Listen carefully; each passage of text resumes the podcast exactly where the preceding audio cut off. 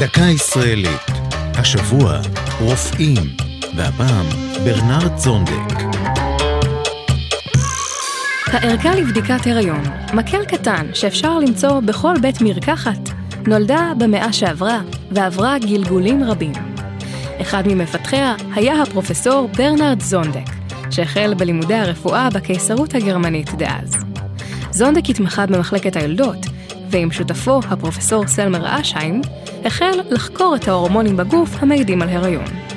מאוחר יותר פרסם את מסקנותיו החלוציות, לפיהן בלוטת יותרת המוח היא המעוררת את הבשלת הביציות בגוף הנקבה. גילויים אלה הניחו את היסודות לייצור הגלגול הראשוני של אחד מסוגי הערכה לבדיקת הריון. הבדיקה הייתה ביולוגית, כלומר, הרופא היה מזריק את שתן האישה לבעל חיים, ואם הורמוני החיה היו משתנים, אזי היה זה סימן לכך שהאישה בהיריון. זונדק, שזכה להכרה בינלאומית בקהילה המדעית, עלה ארצה בשנות ה-30, לאחר שאיבד את עבודתו בבית החולים בברלין בעליית הנאצים לשלטון. הוא היה מראשוני הגינקולוגים בבית החולים הדסה בירושלים, ומשרדו היה מוקד עלייה לרגל לנשים שהתקשו להרות.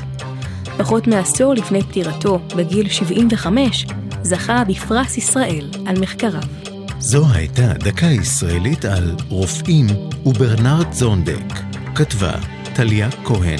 ייעוץ הפרופסור ירון רבינוביץ'.